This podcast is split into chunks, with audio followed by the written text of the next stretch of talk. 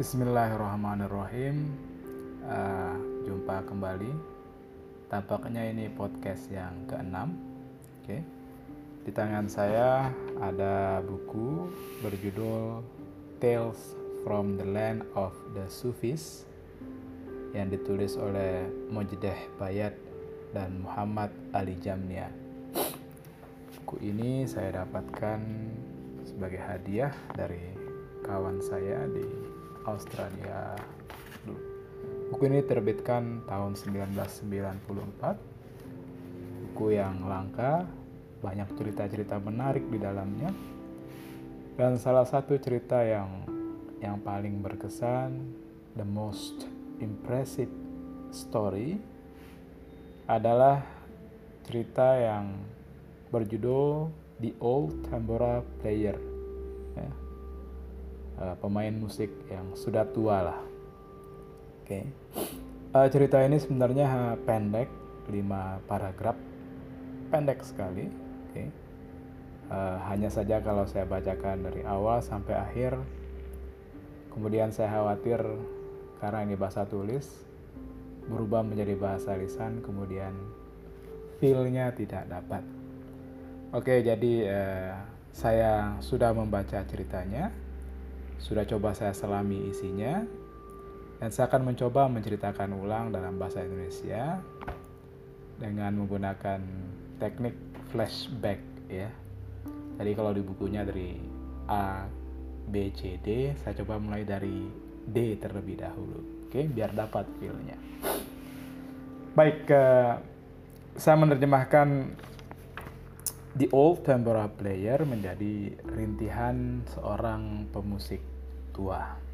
So listen up to the story. Here we go. Okay. The dark night, suatu malam yang gulita, di bawah bulan sepotong yang menggantung di langit kelam, seorang lelaki tua terdengar whispering, berbisik halus, ya, whisper, ya kepada nisan-nisan yang berlumut. Jadi ini settingnya di kuburan. Dia berkata, begitu cepat waktu berlalu. Kemarin aku masih seorang musisi yang terkenal. Memiliki banyak fans. Tampil dari panggung ke panggung yang gemerlap. Meneguk popularitas dan menghasilkan banyak uang dari bermain gitar dan bernyanyi Begitu indah semuanya, teramat indah. Namun manusia tak kuasa melawan roda waktu. Tak ada manusia yang kuasa, dan aku pun menua. Popularitasku redup tertutupi oleh binar bintang-bintang muda. Perlahan namun pasti schedule manggung yang padat mulai terurai. Berkurang lalu menghilang. Tak ada lagi orang yang mengundangku untuk bernyanyi. Pesta dan acara gemerlap itu kini tinggal kenangan. Semuanya menguap. Bahkan keluargaku sendiri meninggalkanku. Hidup seakan tak adil. Dari seorang raja panggung, kini aku menjelma menjadi pengamen jalanan. Aku bahkan kini mengemis. Jika dulu aku menghabiskan malam dari satu kota ke kota, dari satu penginapan ke penginapan lain, kini aku harus menerima nasib tidur sendirian di sudut cemetery, di sudut uh, pemakaman tua di kota ini. Tak ada kawan berbincang kecuali kalian. Batu nisan maksudnya ya. Tak ada kawan berbincang kecuali kalian nama-nama yang kini terpahat indah di atas bebatuan uh, uh, ini pengantar. Okay. Tentu saja di teks aslinya tidak ada semacam ini, hanya hanya hasil penyelaman kemudian merefleksikan kembali. Oke, kita lanjut ceritanya. Di kota yang sama, okay, di kota yang sama dengan si pemusik tua tadi, tinggal seorang guru sufi yang sangat terkenal namanya Abu Said Abu Said ini adalah pribadi yang ramah, yang humble, dan knowledgeable, okay? memiliki pengetahuan yang luas. Beliau sering kali menjadi problem solver, menjadi orang yang mampu memecahkan masalah, menunjukkan jalan keluar bagi banyak orang. Tidak terkecuali bagi salah satu murid terdekatnya yang bernama Hasan. Nah, ini ceritanya tentang Hasan sebenarnya. Saat itu Hasan tengah dibimbang oleh sebuah janji yang tampak sukar untuk ditepatinya. Hasan punya utang dan telah berjanji untuk membayarnya tepat waktu. Jadi kali ini Hasan ingin menemui sang guru Abu Said dan berharap menemukan a way out, menemukan solution, ya. Karena ia sudah sering mendengar bahkan sering melihat gurunya Abu Said mampu melakukan hal-hal di luar nalar orang awam. Uh, bahasa sederhananya, sederhananya miracle, miracle ya, keajaiban. Dan syahdan petang itu Hasan berdiri di samping sang guru untuk menyalami para tamu yang beranjak pulang seusai let's say pengajian, seusai halakoh. Setelah semua tamu berlalu, Hasan bersiap menutup padepokan. Kemudian gurunya berkata, "Don't close the door." Okay? Uh, jangan dulu tutup pintunya. Karena sebentar lagi akan datang seorang wanita, okay? wanita tua. Dan aku, kata gurunya Abu Said, aku ada urusan lain. Jadi Hasan temuilah wanita itu dan berkhidmatlah kepadanya.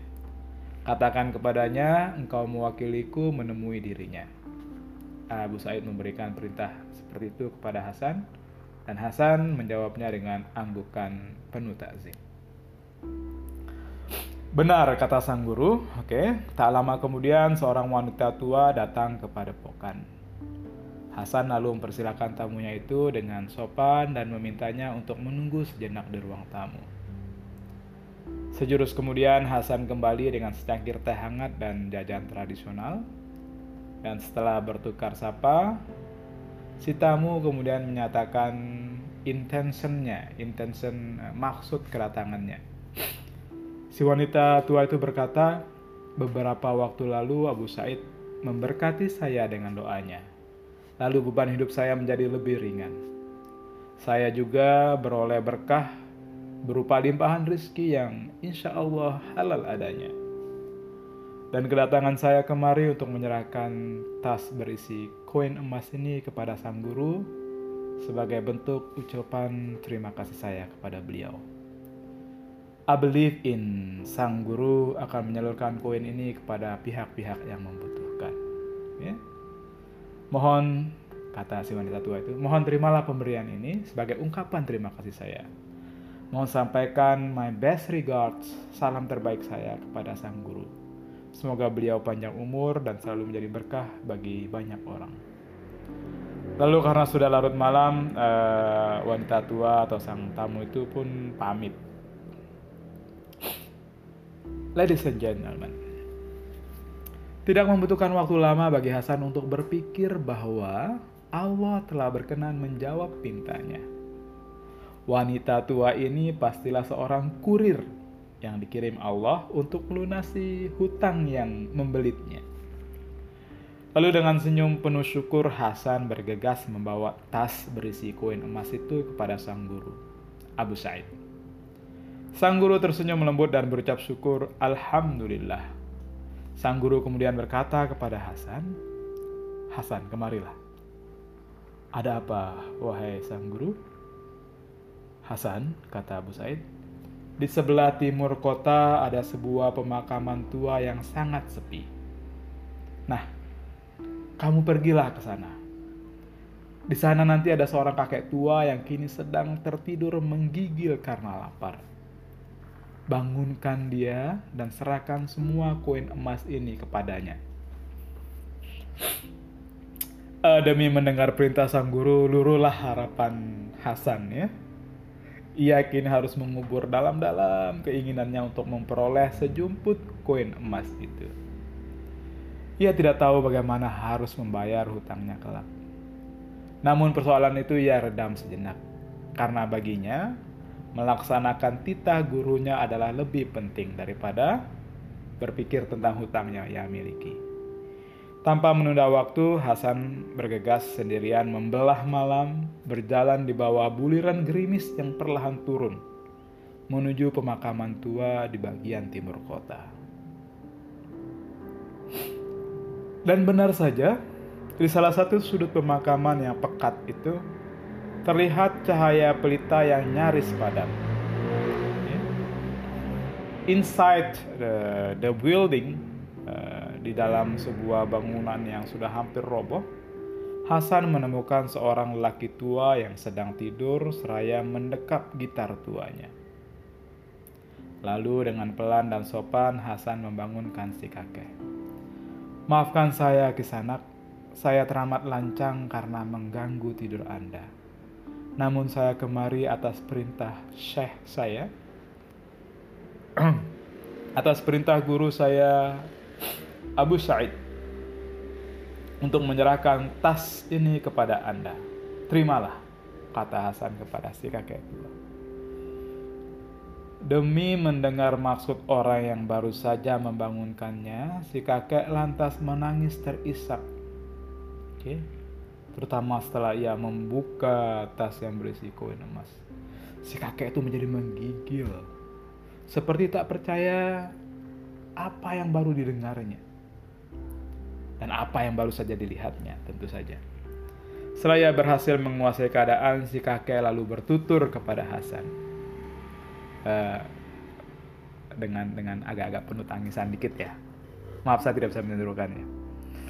Kemarin malam, kata si kakek, saya didera lelah, lapar, dan putus asa.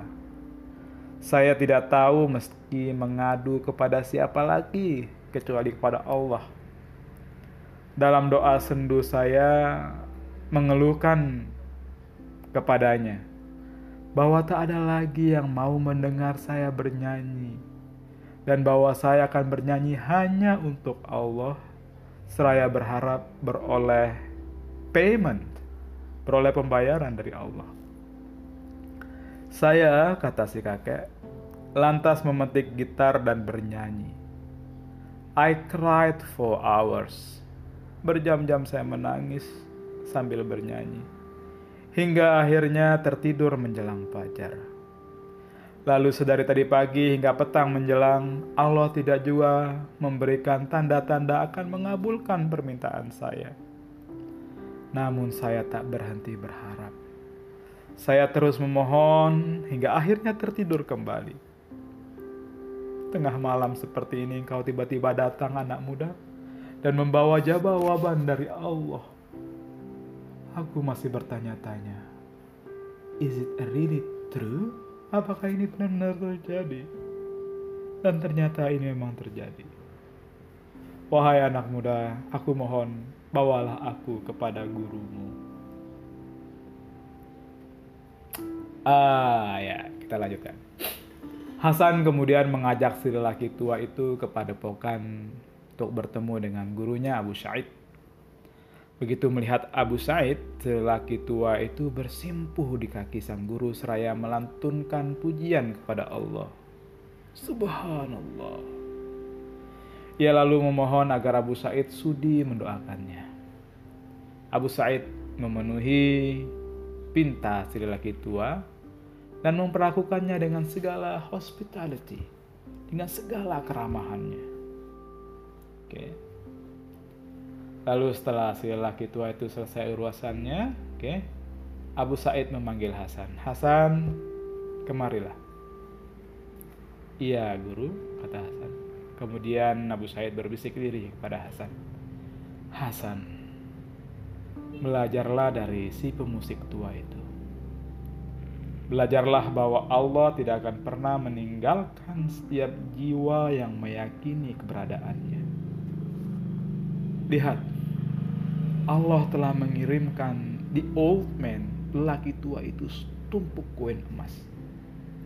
Percayalah, Allah akan juga mengirimkan kepadamu hingga engkau terbebas dari lilitan utang. Always be kind, Hasan. berbuatlah baik kepada sesama dan jangan berhenti berharap kecuali kepada Allah Subhanahu wa taala. That's the end of the story. Uh, lagi-lagi saya mohon maaf karena itu bahasa Indonesia merupakan rekonstruksi dari cerita yang saya baca. Ya. Jadi mungkin sedikit berbeda dari cerita aslinya, tapi plotnya kurang lebih sama. Oke, uh, cerita ini bagus sekali, terutama when we're down ya, ketika kita uh, kita merasa berada di bawah, okay? Kemudian untuk meyakinkan kita bahwa wala asu, okay? dan jangan berputus asa terhadap rahmat Allah. I think that's all, guys. Okay. I hope uh, you like the story, and I hope that the story will inspire us. Okay. Assalamualaikum warahmatullahi wabarakatuh.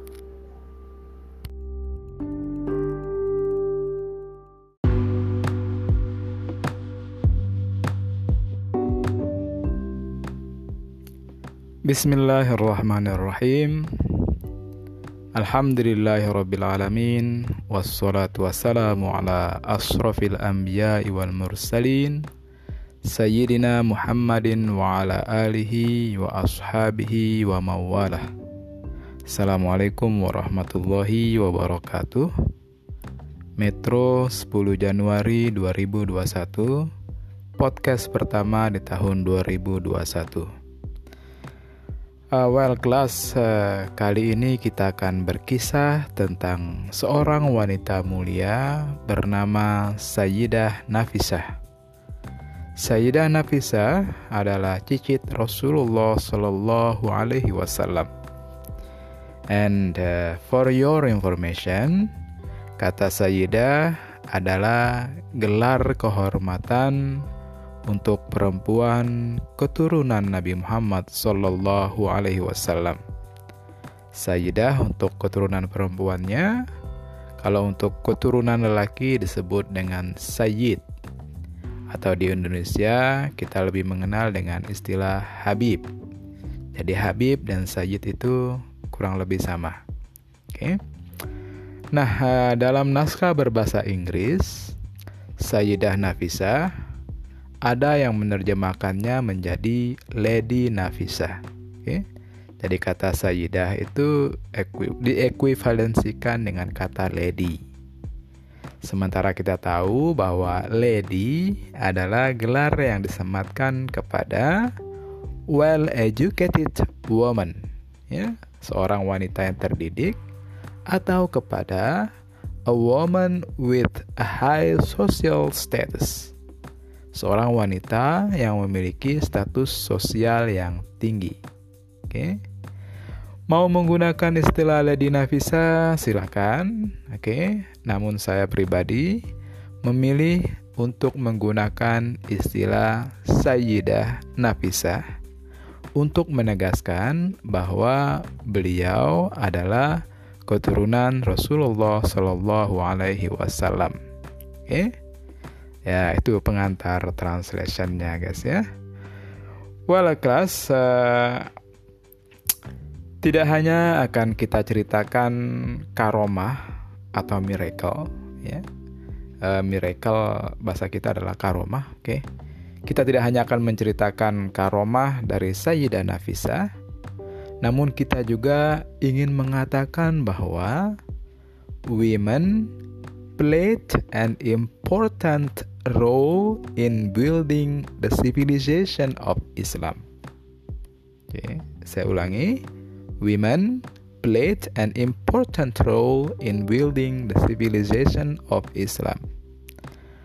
Bahwa banyak wanita oke yang telah memainkan peran penting telah berkontribusi dalam pengembangan peradaban Islam. Nah, Sayyidah Nafisa adalah salah satu dari those great women. Oke. Okay? Salah satu dari wanita yang hebat itu, oke. Okay? And here we go kelas, kita mulai ya. Oke. Okay. Sayyidah Nafisah. May Allah bestow his blessings upon her soul. Semoga Allah memberkati beliau. Oke. Okay. Sayyidah Nafisa was well known for her asceticism. Beliau dikenal karena kezuhudannya, zuhud karena kebersahajaannya, karena kesederhanaannya. Ya. Kecuali kecuali itu beliau juga was well known for her worship, ketekunan ibadahnya. For her intellect, karena kedalaman ilmunya, and for her miracles, karena karomah-karomah yang pernah beliau lakukan. Oke. Okay? Nah, terkait dengan kezuhudan dan ketekunan ibadahnya, dikatakan bahwa Sayyidah Nafisa enriched her mornings by fasting and revived her nights by prayers. Sayyidah Nafisa enriched her morning by fasting. Beliau kerap puasa. Oke. Okay? She fasted most of the days lebih sering puasanya daripada tidak puasanya. Oke. Okay? Sayyidah Nafisa also revived her nights by prayers. Beliau juga tekun beribadah di malam hari. She spent most of her nights in worship. Beliau jarang sekali tidak sholat malam. Mungkin singkatnya kalau bahasa Arabnya uh, orang bilang so imun nahar ko imul lail ya. Siangnya suka puasa, malamnya tekun tahajud.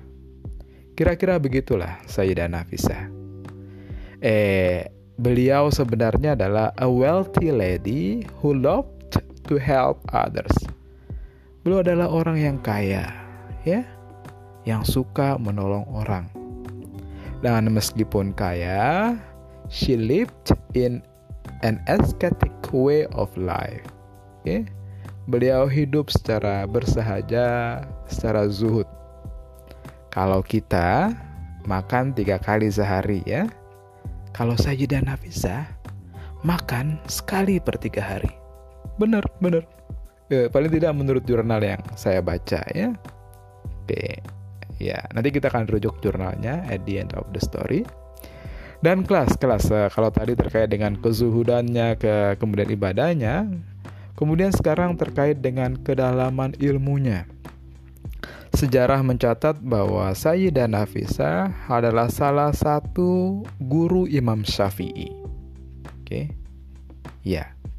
Nah, ketika Sayyidah Nafisa pindah dari Mekah ke Egypt, ke Mesir, tepatnya ke Kairo, banyak uh, religious scholars atau banyak ahli agama yang datang belajar ke beliau. Termasuk di antaranya adalah Imam Syafi'i. Oke. Begitu istimewanya Sayyidah Nafisa bagi Imam Syafi'i sehingga ketika Imam Syafi'i jatuh sakit, beliau berwasiat agar jenazahnya disolatkan oleh Sayyidah Nafisah. Dan syahdan eh, ketika Imam Syafi'i wafat, jenazahnya dibawa dari Fustat ke Kairo ya dan disolatkan oleh Sayyidah Nafisah. So kelas again Sayyidah Nafisah adalah mungkin salah satu model intelektual wanita dalam Islam yang memiliki kecerdasan yang tinggi. Oke, okay? guys, uh, karena zuhud, karena tekun ibadah, karena berilmu tinggi, Sayyidah Nafisa was able to perform miracles. Beliau bisa melakukan banyak sekali karomah. Oke. Okay? Saya ingin menceritakan uh, satu saja cerita yang terkait dengan uh, karomah Sayyidah Nafisa. okay? are you ready guys? Oke. Okay. Once upon a time, uh, pernah uh, di zaman Sayyidah Nafisa masih hidup, oke. Okay? Hidup bersamaan uh, dengan zaman beliau itu seorang janda tua yang memiliki empat anak perempuan. an old woman who had four orphaned daughters. Ya.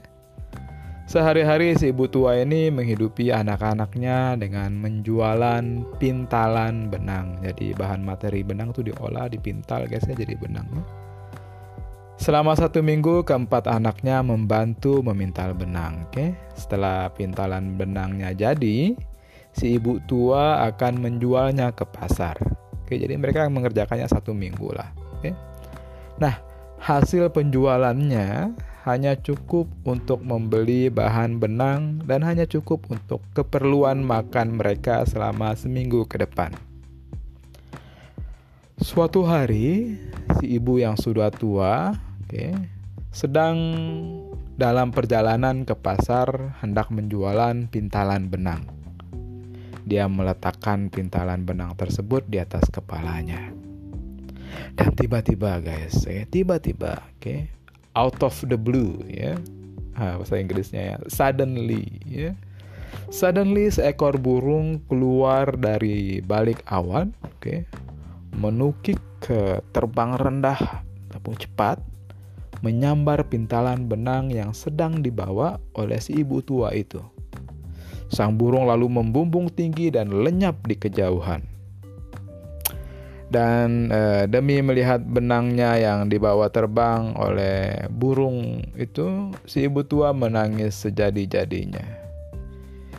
Ia menangis karena membayangkan keempat anaknya yang sedang kelaparan di rumah. Ia membayangkan akan pulang dengan tangan kosong, tanpa uang untuk membeli bahan benang, atau tanpa uang untuk membeli makanan bagi keempat anaknya. Ia meradang hingga hampir tak sadarkan diri. Lalu orang-orang datang, mendekati dan mencoba menenangkan si ibu tua.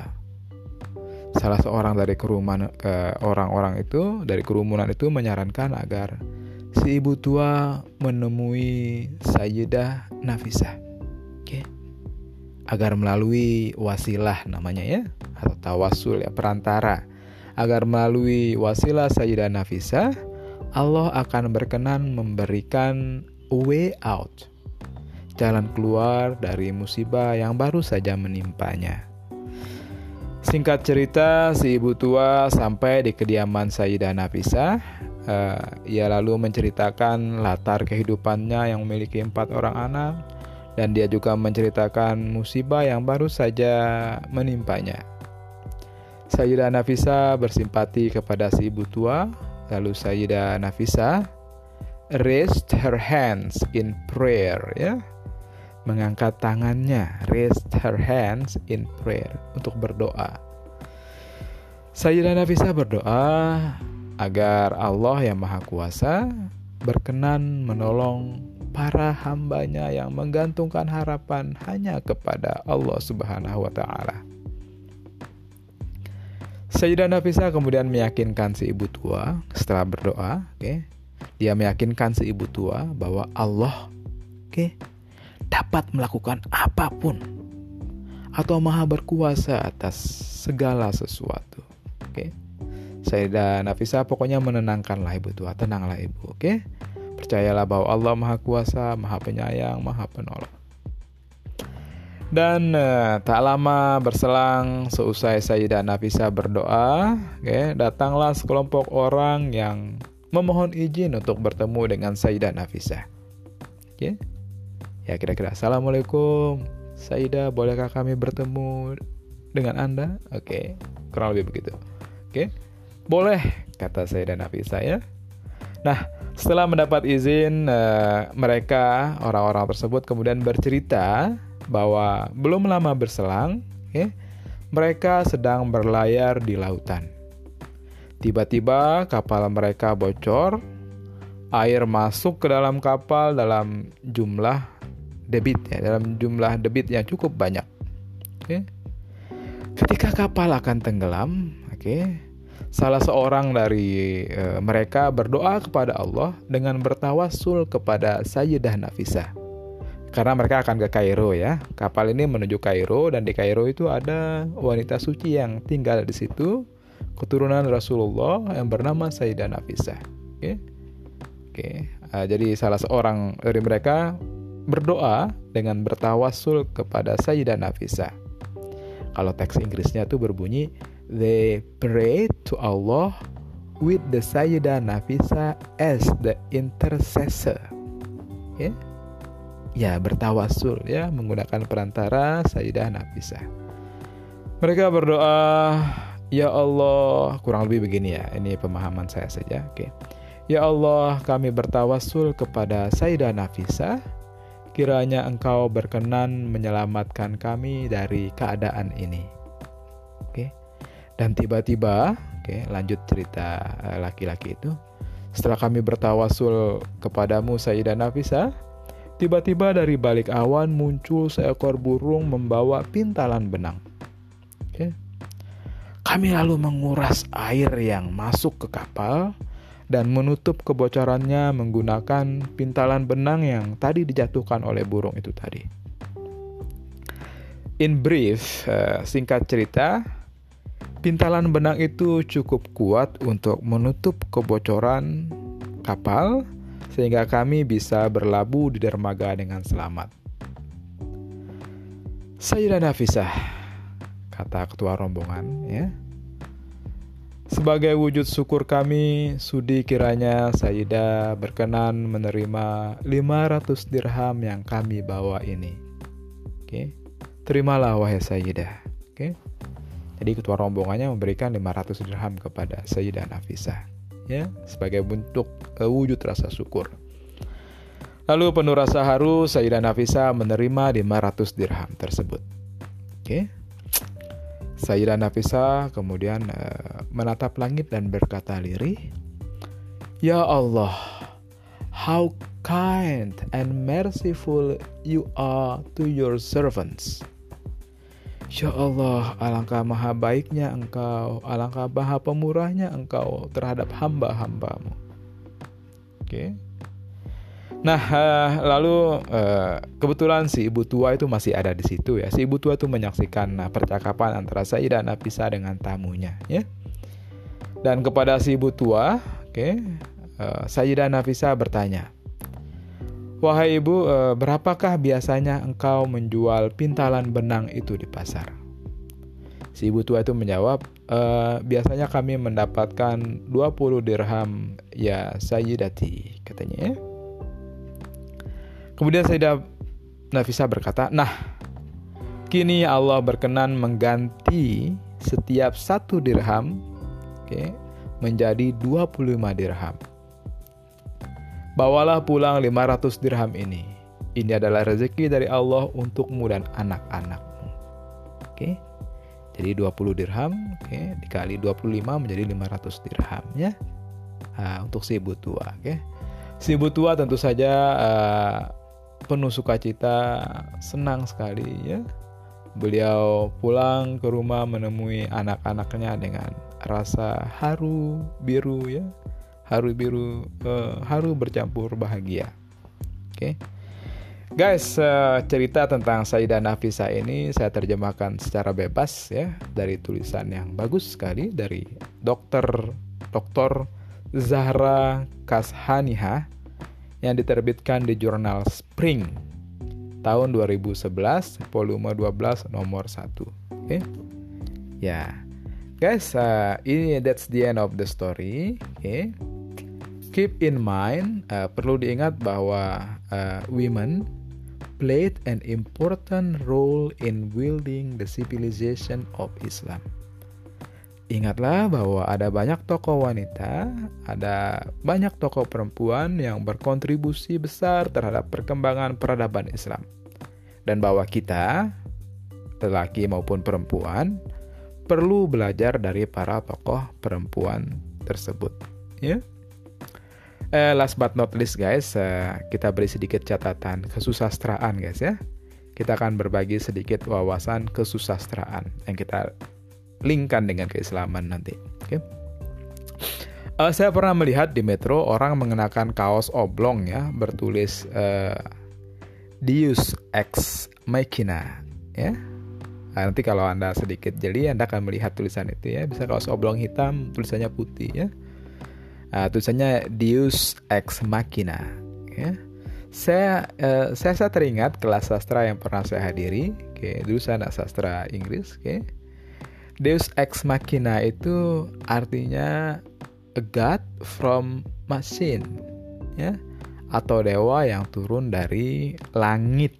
Ya.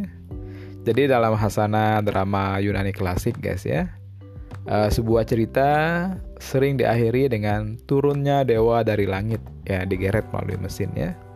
Kemudian sang dewa itulah yang kemudian membantu permasalahan yang dihadapi oleh manusia.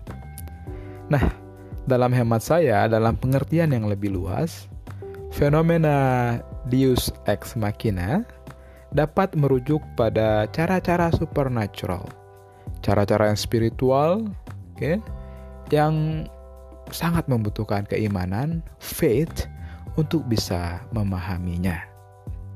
Nah, cerita Sayyidah Nafisa, oke, okay, yang kita dengar tadi, okay, melibatkan problem solving yang sifatnya supernatural. Okay? Ya, uh, mungkin bagi sebagian orang nggak susah dijangkau oleh nalar tapi itulah supernatural. Okay? Dan kita sebagai muslim English learners, okay, harus meyakini meyakini itu. Karena termasuk ciri orang yang bertakwa adalah mempercayai dan meyakini hal-hal yang goib, hal-hal yang supernatural. Nanti buka uh, Al-Baqarah ya. Ayat-ayat pertama ya. Karakter orang-orang mutakin.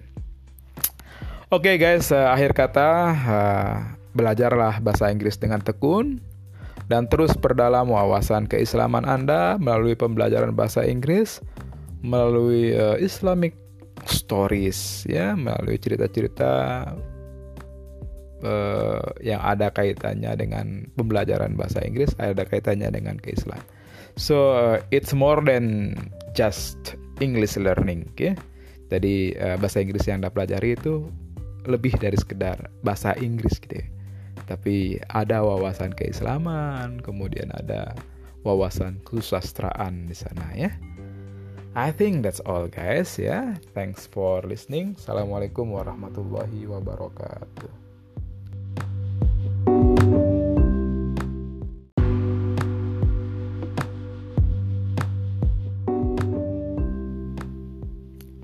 Bismillahirrahmanirrahim. Alhamdulillahirrabbilalamin Wassalatu wassalamu ala asrafil anbiya wal mursalin Sayyidina Muhammadin wa ala alihi wa ashabihi wa mawalah. Assalamualaikum warahmatullahi wabarakatuh. Metro 10 Januari 2021 Podcast pertama di tahun 2021 Uh, well class, uh, kali ini kita akan berkisah tentang seorang wanita mulia bernama Sayyidah Nafisah. Sayyidah Nafisah adalah cicit Rasulullah Shallallahu Alaihi Wasallam. And uh, for your information, kata Sayyidah adalah gelar kehormatan untuk perempuan keturunan Nabi Muhammad Sallallahu Alaihi Wasallam. Sayyidah untuk keturunan perempuannya, kalau untuk keturunan lelaki disebut dengan Sayyid. Atau di Indonesia kita lebih mengenal dengan istilah Habib. Jadi Habib dan Sayyid itu kurang lebih sama. Oke. Okay? Nah, eh, dalam naskah berbahasa Inggris, Sayyidah Nafisah ada yang menerjemahkannya menjadi Lady Nafisa. Okay? Jadi kata Sayyidah itu diekuivalensikan dengan kata lady. Sementara kita tahu bahwa lady adalah gelar yang disematkan kepada well educated woman, ya, seorang wanita yang terdidik atau kepada a woman with a high social status seorang wanita yang memiliki status sosial yang tinggi. Oke.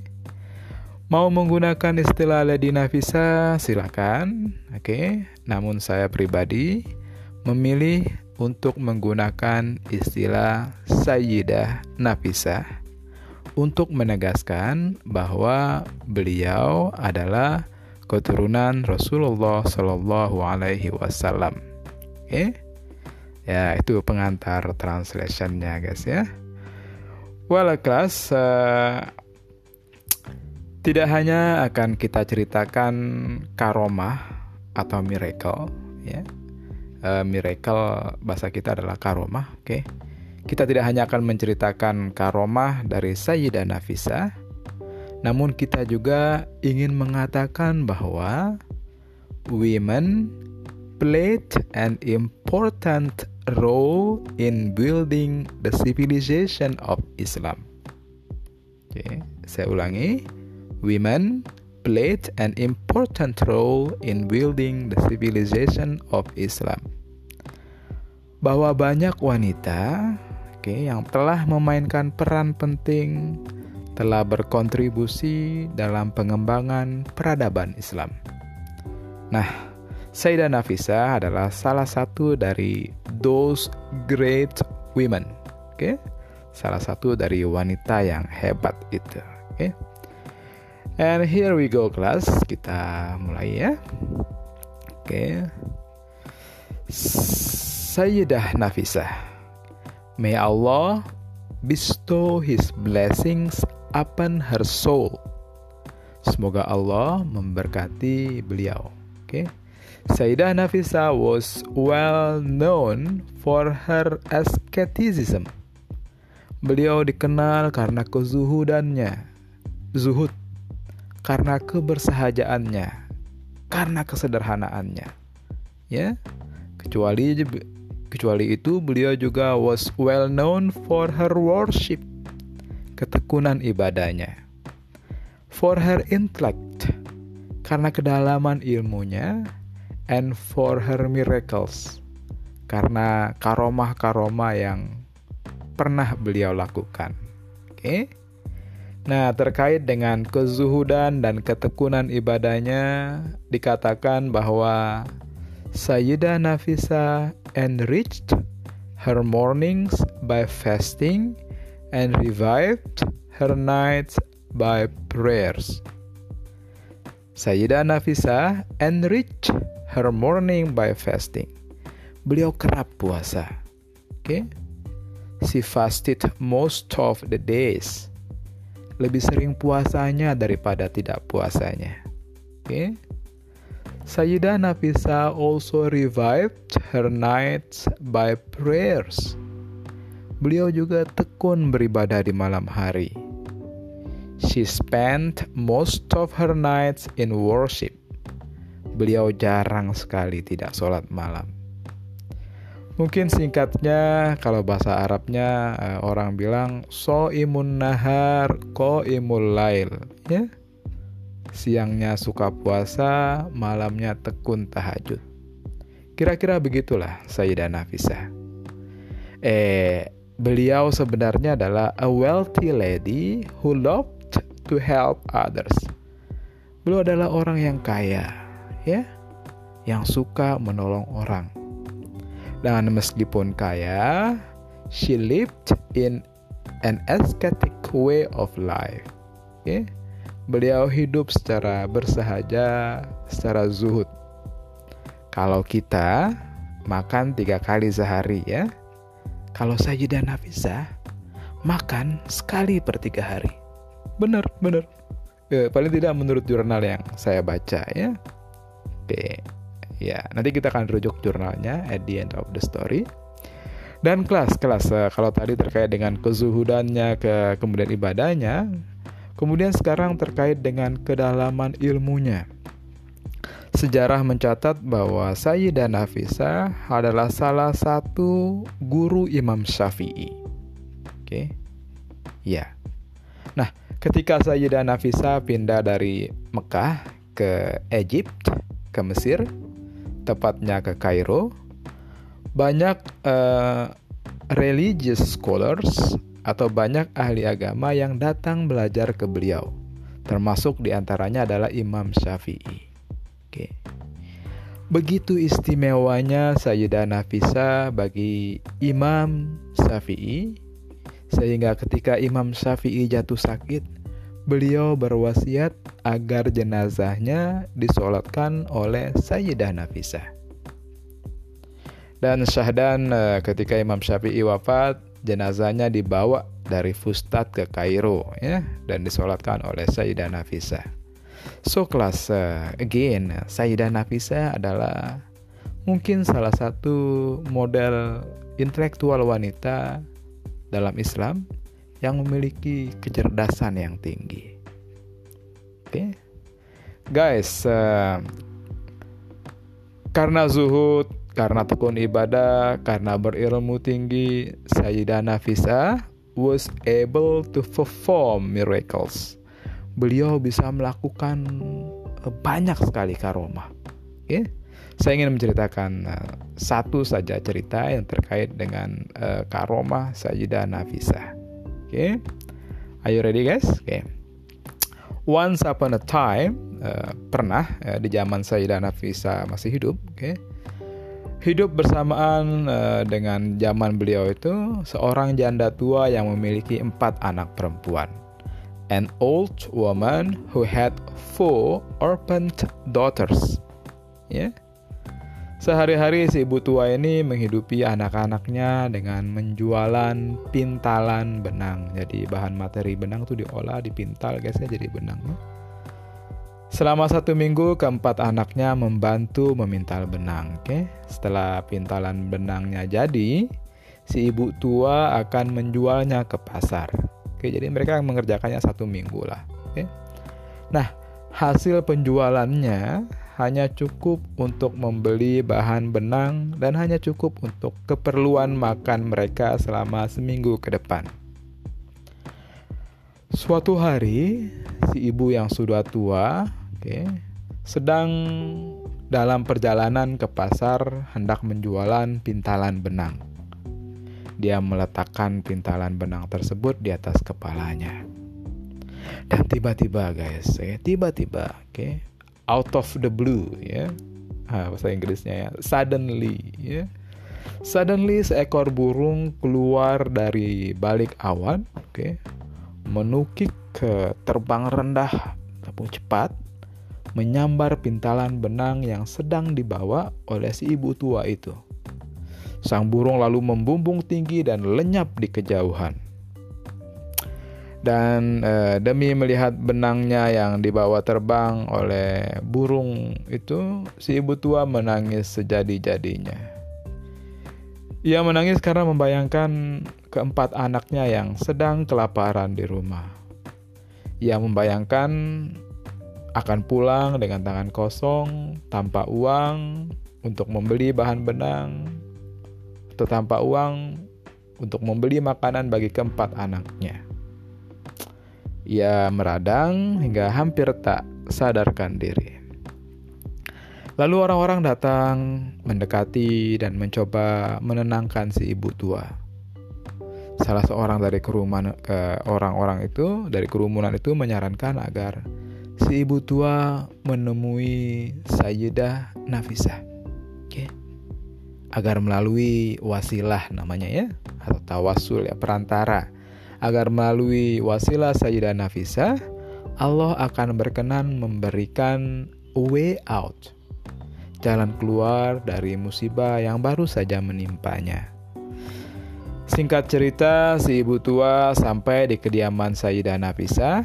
Uh, ia lalu menceritakan latar kehidupannya yang memiliki empat orang anak, dan dia juga menceritakan musibah yang baru saja menimpanya. Sayyidah Nafisa bersimpati kepada si ibu tua, lalu Sayyidah Nafisa raised her hands in prayer ya.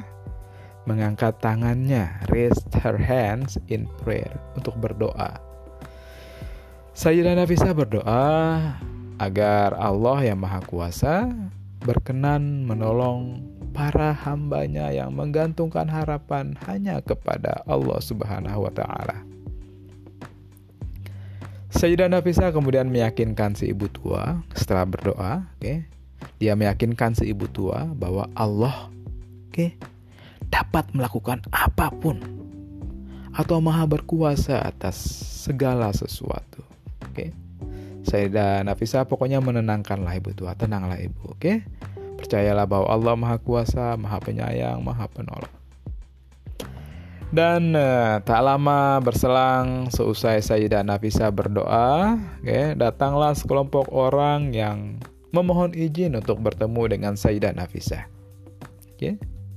Ya kira-kira Assalamualaikum Sayyidah bolehkah kami bertemu dengan Anda? Oke, okay. kurang lebih begitu. Oke. Okay? Boleh, kata Sayyidah Nafisa ya.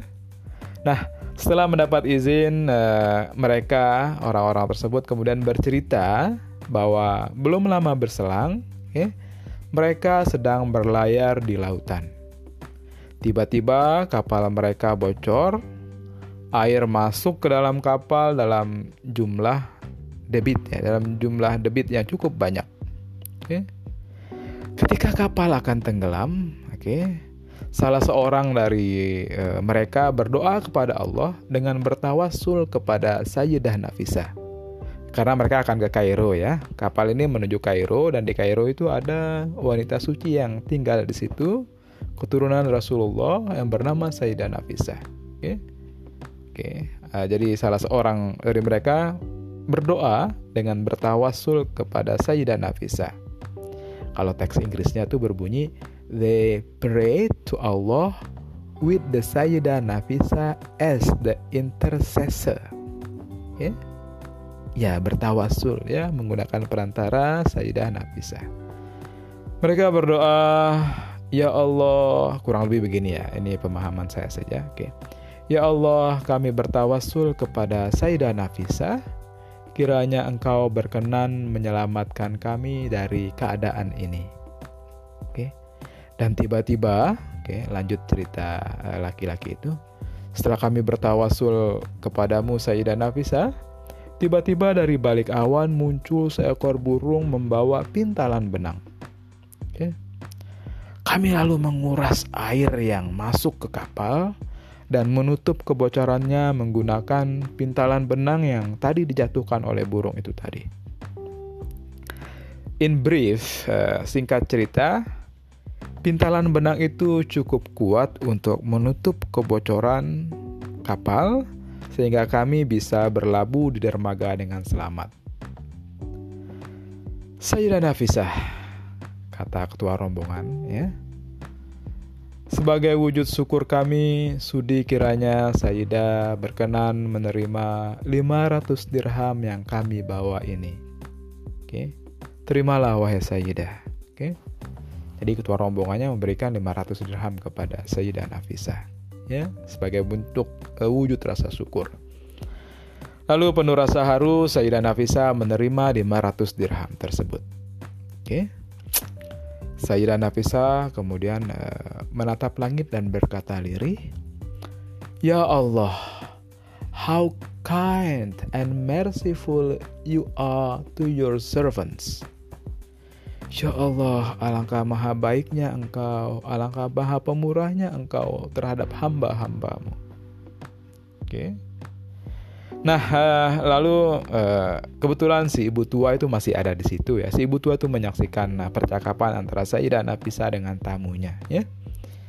Dan kepada si ibu tua, oke, okay, Sayyidah Nafisa bertanya, Wahai ibu, eh, berapakah biasanya engkau menjual pintalan benang itu di pasar?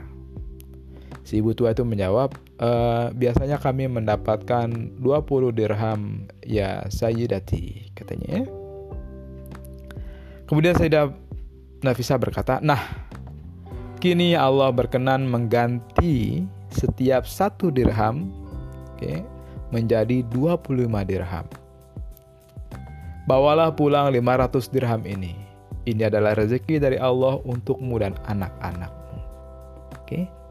Jadi 20 dirham, oke, dikali 25 menjadi 500 dirham ya. Nah, untuk si ibu tua, oke. Si ibu tua tentu saja uh, penuh sukacita, senang sekali ya. Beliau pulang ke rumah menemui anak-anaknya dengan rasa haru biru ya haru biru uh, haru bercampur bahagia. Oke. Okay?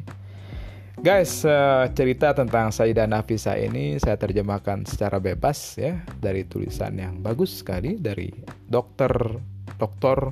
Zahra Kashaniha yang diterbitkan di jurnal Spring tahun 2011 volume 12 nomor 1. Oke. Okay? Ya. Guys, uh, ini that's the end of the story. Oke. Okay? Keep in mind uh, perlu diingat bahwa uh, women played an important role in building the civilization of Islam. Ingatlah bahwa ada banyak tokoh wanita, ada banyak tokoh perempuan yang berkontribusi besar terhadap perkembangan peradaban Islam. Dan bahwa kita, lelaki maupun perempuan, perlu belajar dari para tokoh perempuan tersebut. Ya. Uh, last but not least guys, uh, kita beri sedikit catatan kesusastraan guys ya. Kita akan berbagi sedikit wawasan kesusastraan yang kita linkkan dengan keislaman nanti.